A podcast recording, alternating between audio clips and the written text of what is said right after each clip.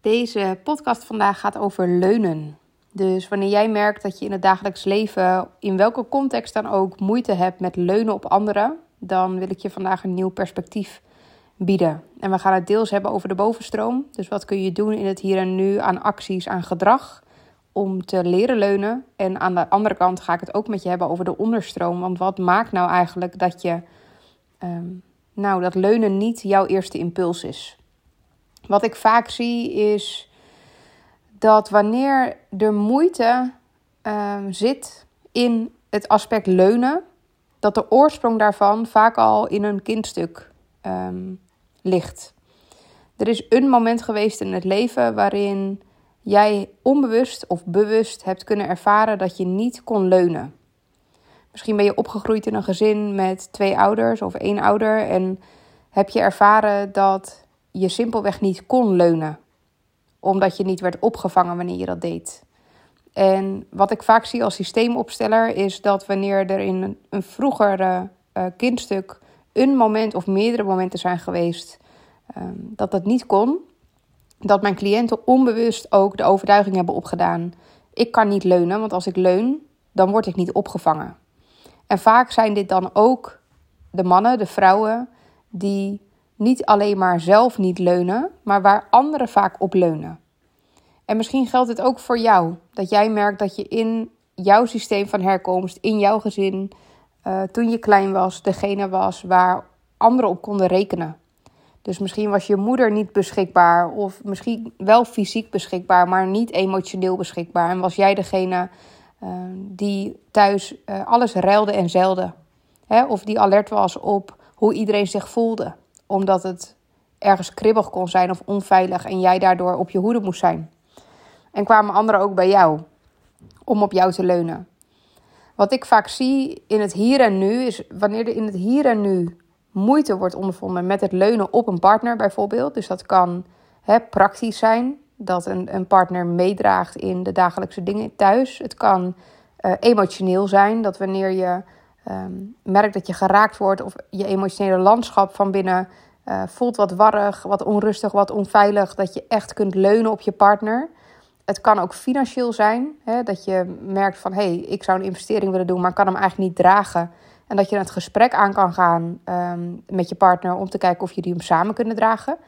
En wanneer daar dan een blokkade op zit in het hier en nu, dus het niet kunnen leunen, het niet durven leunen of zelfs de overtuiging hebben: ik kan het alleen of ik moet het alleen kunnen. Of, um, nou ja, die ik wel vaker hoor in sessies met cliënten, is uh, een, um, uh, een echte meid is op haar toekomst voorbereid.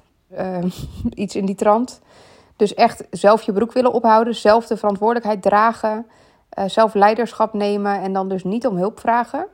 Dat stuk heeft helemaal niks met het hier en nu te maken. Het heeft helemaal niks met jouw partner te maken nu op dit moment. Het, het gaat er niet om dat als je een andere partner had gehad, dat het makkelijker was geweest.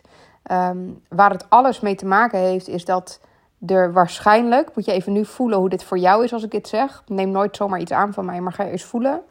Er is waarschijnlijk een moment geweest in jouw jeugd waarin je hebt kunnen ervaren: oké, als ik leun, dan voelt het onveilig, want ik word niet gedragen dus mijn ouders kunnen mij letterlijk niet dragen.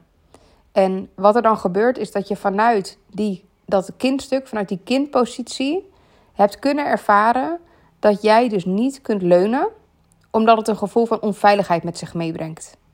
Dus het tegenovergestelde is jouw waarheid geworden, namelijk ik moet stevig staan, ik moet mijn eigen broek ophouden en ik moet voor mezelf zorgen, want niemand anders die kan dat voor mij.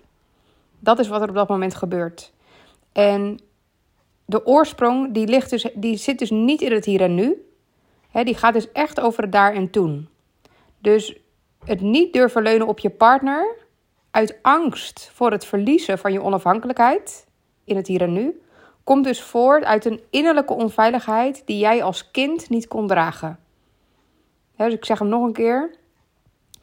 Het niet durven leunen in het hier en nu op jouw partner uit angst voor het verliezen van jouw eigen onafhankelijkheid. Dus bijvoorbeeld, ik moet zelf mijn geld verdienen. Want stel dat die ineens weg is of zij is ineens weg, uh, dan, dan klapt alles in elkaar. dus uit angst voor het verliezen van je eigen onafhankelijkheid komt voort uit een innerlijke onveiligheid die jij als kind hebt ervaren en niet kon dragen. Dus met andere woorden, je hebt je onveilig gevoeld. Dat kon je op dat moment niet dragen, want je was een kind. En wat je wel kon, was het besluit nemen: ik zorg voor mezelf. En wat je misloopt in het hier en nu, omdat je niet durft te leunen vanuit een autonome volwassen positie, is dat je een heel stuk verbinding uh, mist in je huidige relatie. En dat komt altijd voort dus uit een pijnlijk, gekwetst, onveilig kindstuk. Uh, omdat je simpelweg gewoon niet hebt geleerd dat je mag leunen en dat het oké is. Hè, dus het gaat niet over goed of fout. Want ik snap heel goed dat wanneer je dat vroeger hebt ervaren, um, dat je ja, innerlijk je niet vrij voelt en veilig voelt om zomaar op Jan en Anneman te leunen. En dat kan zich dus uiten in nou ja, je liefdesrelatie of dat je moeite hebt om om hulp te vragen. Dus zelfs als je een coach hebt uh, die je goed betaalt, kan het zomaar zijn dat jij eerst vijf keer aan het nadenken bent of je wel een vraag gaat stellen. He, dus het kan zich, hoeft zich niet alleen maar in je liefdesrelatie te uiten, maar ook in andere samenwerkingen. Um, dus als jij dit herkent, dan zou ik je eigenlijk een uitnodiging willen doen. Het eerste is dat als hier herkenning voor je in zit, is dat je in de bovenstroom, hè, dus echt in het praktische, in de keuzes die je maakt, in de gesprekken die je voert, um, het leunen is gaat onderzoeken. Dus breng het eens in. Als je een relatie hebt, breng het eens in. Of bij vriendschappen. Um, breng het ter sprake. En geef aan, hey, ik heb moeite met leunen, maar ik zou het wel graag willen leren. Hè? Of hoe sta jij daarin? Stel dat ik nu op jou zou leunen of ik zou dit van jou willen vragen. Of wil je financieel iets meer dragen? Of uh, wil je thuis praktisch wat meer dragen? Of hey, ik ben verdrietig, mag ik even op jou leunen? Mag ik even bij je zijn? Hoe is dat voor jou? Dus open het gesprek. Ga niet invullen voor de ander dat de ander dat niet kan of niet wil. Maar open het gesprek is. Dat is het allereerste in de bovenstroom. Um, maak het bespreekbaar. Het is dan niet gelijk opgelost, want nogmaals, het komt vanuit een kindstuk en dat zit vaak dieper dan dat je alleen maar met een besluit kunt overbruggen. Dus de tweede uitnodiging voor mij die ik je zou willen doen, zou zijn: uh, ga reizen. Ga reizen naar dat stuk. Ga eens terug naar dat kindstuk. En dit is wat ik met cliënten doe in opstellingen. Dus we gaan kijken wat is er gebeurd in dat kindstuk bij jou, in de relatie met jouw ouders. En hoe zou het voor je voelen als je wel kunt leunen? Ik heb afgelopen uh, week uh, twee opstellingen gedaan waarin mijn cliënten echt letterlijk even konden leunen, zeg maar in hun systeem. Dat hebben ze nog nooit ervaren. Dus de opstelling die liet dat zien, dat die ruimte er was. Um, cliënten hebben letterlijk even tegen mij aangestaan om eens te voelen van, weet je, zo voelt het dus. Dan heb ik het over, over uh, mensen die nou ergens tussen de 30 en de 40 zijn, die voor het eerst in hun leven helemaal kunnen leunen. En dat klinkt zo bizar, maar, maar dat is vaak wat een opstelling um, nou ja, blootlegt. Hè? Dus in dit geval ging het echt over: oh, dat kan niet, ik kan niet leunen, het is niet veilig genoeg. En dit is niet jouw opstelling waar ik het nu over heb, maar weet dat als je in de onderstroom gaat onderzoeken uh, wat leunen voor jou betekent en waar het aan, aan haakt, um, dan kun je ook oog in oog komen te staan met een waarheid die ervoor zorgt dat je in het hier en nu makkelijker kunt leunen. En dan gaat het niet meer over een besluit van nou oké, vanaf nu ga ik leunen.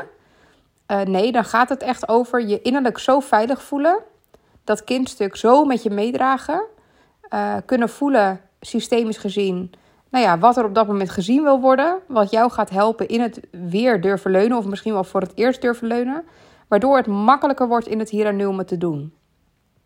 En dit gaat ook je relatie um, helpen. Durven leunen namelijk op je partner vanuit een autonome, volwassen positie.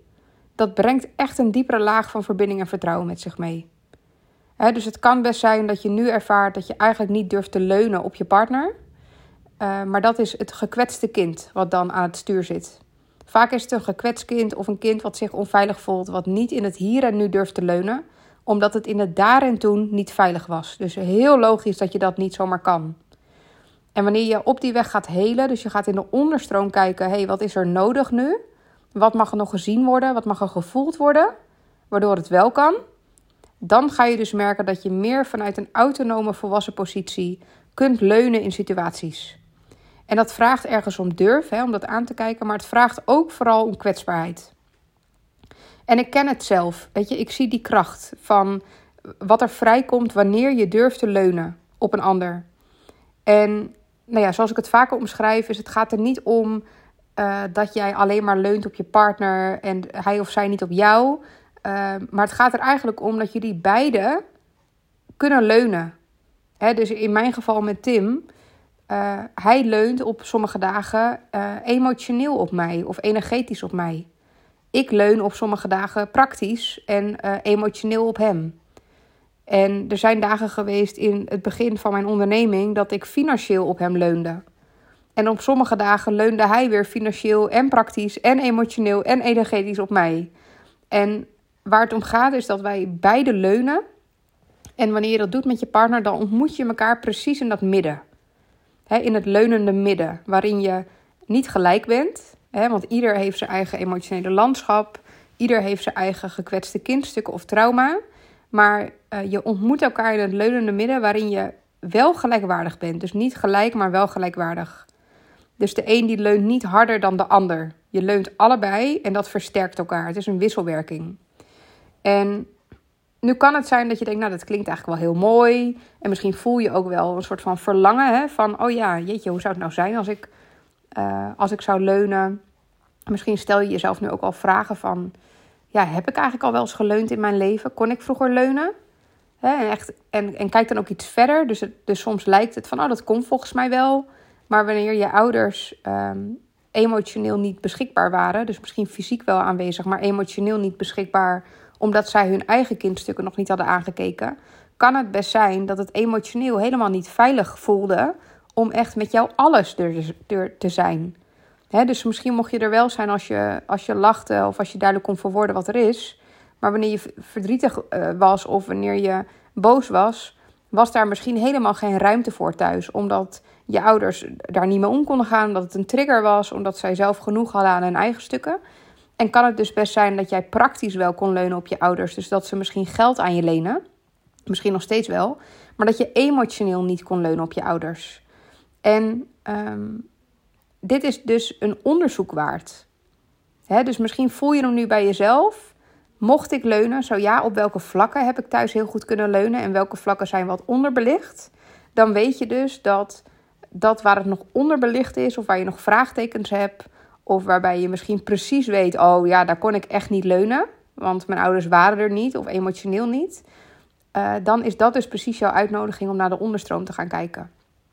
En vanuit dat stuk weet ik nu vooraf, dat is, dat is altijd uh, gewoon niet wat je daar gaat tegenkomen. Hè, elke opstelling is anders. Uh, het kan zijn dat het bij jou over een kindstuk gaat, dan dat je echt voelt van ja, ik, ik, ben, ik ben gelijk in de opstelling weer vier jaar. En ik zie dat mijn ouders zijn gescheiden. En, uh, of ik, ik weet nog altijd dat mijn vader toen veel was voor werk bijvoorbeeld. Hè, of nou ja, wat voor situaties zich ook kunnen voordoen in jouw leven. Uh, maar het kan ook zijn dat het helemaal niet over een kindstuk gaat, maar dat we drie generaties teruggaan in de vrouwenlijn. Waarbij uh, we zien eigenlijk dat jouw overgrootmoeder uh, al niet kon leunen. En dat er vanaf dat moment een besluit is genomen vanuit, vanuit een stuk onveiligheid. Als vrouw zorg je voor jezelf. En het enige wat jij dan hebt meegekregen is een motto en een, en een statement. Wat eigenlijk dus gefundeerd is op angst en op trauma en op onveiligheid. En dat is systemisch voelbaar in de opstelling. Maar in het hier en nu heb jij geen idee van de trauma. In het hier en nu voel jij alleen maar: nee, ik moet voor mezelf zorgen. Terwijl dat eigenlijk nog gestoeld is op de angst die jouw overgrootmoeder ooit heeft ervaren. En dat dan is doorgegeven in de vrouwenlijn. Dus even als recap: wanneer jij in het hier en nu merkt dat je moeite hebt met leunen, dan is dat eigenlijk altijd een respons op iets wat er systemisch gebeurd is. vaak gaat het over een onveilig kindstuk of over iets in de lijn. En wanneer je dus die wens hebt om wel vanuit een volwassen, autonome positie uh, te gaan leunen op je partner, dan kun je dus het verschil leren kennen vanuit leunen of ongewenst afhankelijk zijn. Dus, dus soms is er ontstaat er moeite in. Oh nee, dan ben ik afhankelijk en dat wil ik niet. Dus ik leun maar niet. Terwijl als je echt kunt leunen op je partner, dan zit daar echt een super grote potentie om je eigen plek uh, en je positie in jouw systeem in te nemen. En om juist vanuit dat stuk aan jouw onafhankelijkheid te werken. dus het, het versterkt elkaar enorm. Wanneer jij durft te leunen, is het niet twee stappen achteruit. Ik zie het eerder als twee stappen terug, zodat je een langere aanlooproute hebt om een grotere sprong te nemen. Mocht dit nou resoneren en jij bent ondernemer en je kent klappen van de zweep en je bent inmiddels ook bekend met onderstroomwerk, dus je weet gewoon, oké, eh, ik kan nog zoveel strategische of mindset uh, uh, plannetjes maken, maar wanneer het in mij niet lekker stroomt, heeft mijn bedrijf daar ook last van. Dan wil ik je op dit moment, nu je luistert, een uitnodiging doen. Ik heb namelijk vandaag officieel mijn nieuwste traject gelanceerd. De tijdlijn heet die. En in dit traject gaan we in een snelkookpan van vier maanden. Normaliter zijn mijn trajecten 6 tot 12 maanden. Um, in een snelkookpan van vier maanden jouw hele lijn onderzoeken. Dus we gaan zielopstellingen doen. Nog het moment voor jouw geboorte dat je in het gezin terecht kwam uh, waar je nu in zit. Inclusief het contract, het ongeschreven contract waarin staat wat je diep verbindt met elkaar, gaan we onderzoeken. We gaan een vrouwenlijn of mannenlijn opstelling doen, afhankelijk van eh, de vraag die je inbrengt. Um, we gaan ervoor zorgen dat jij uh, terug kunt reizen naar kindstukken. Uh, er zit een stuk emotieregulatie in. Dus we gaan echt jouw emotionele landschap verkennen en kijken welke delen in jou je nog meer mag uiten. Um, op een manier die bij jou past, zodat het hele emotionele spectrum tot jouw beschikking komt. En tegelijkertijd kom je oog in oog te staan in, um, nou, met jouw grootste potentie. En de essentie voor dat wat jij nu te doen hebt in je leven. Het is een ander traject dan dat je van me gewend bent. Wat je misschien al hoort, is dat hier nauwelijks het woordje business in voorkomt. En ik geloof daar ook in dat we eerst aan jouw fundament mogen werken. En dat er daarnaast wel weer ruimte ontstaat voor je bedrijf. Maar eerst mag jij. Dus dit is niet het business coach traject waar je naar op zoek bent. Het is wel een traject wat je heel mooi aanvullend kunt doen wanneer je al met een business coach werkt. Wat ik nu heb gedaan is de lijnen opengegooid.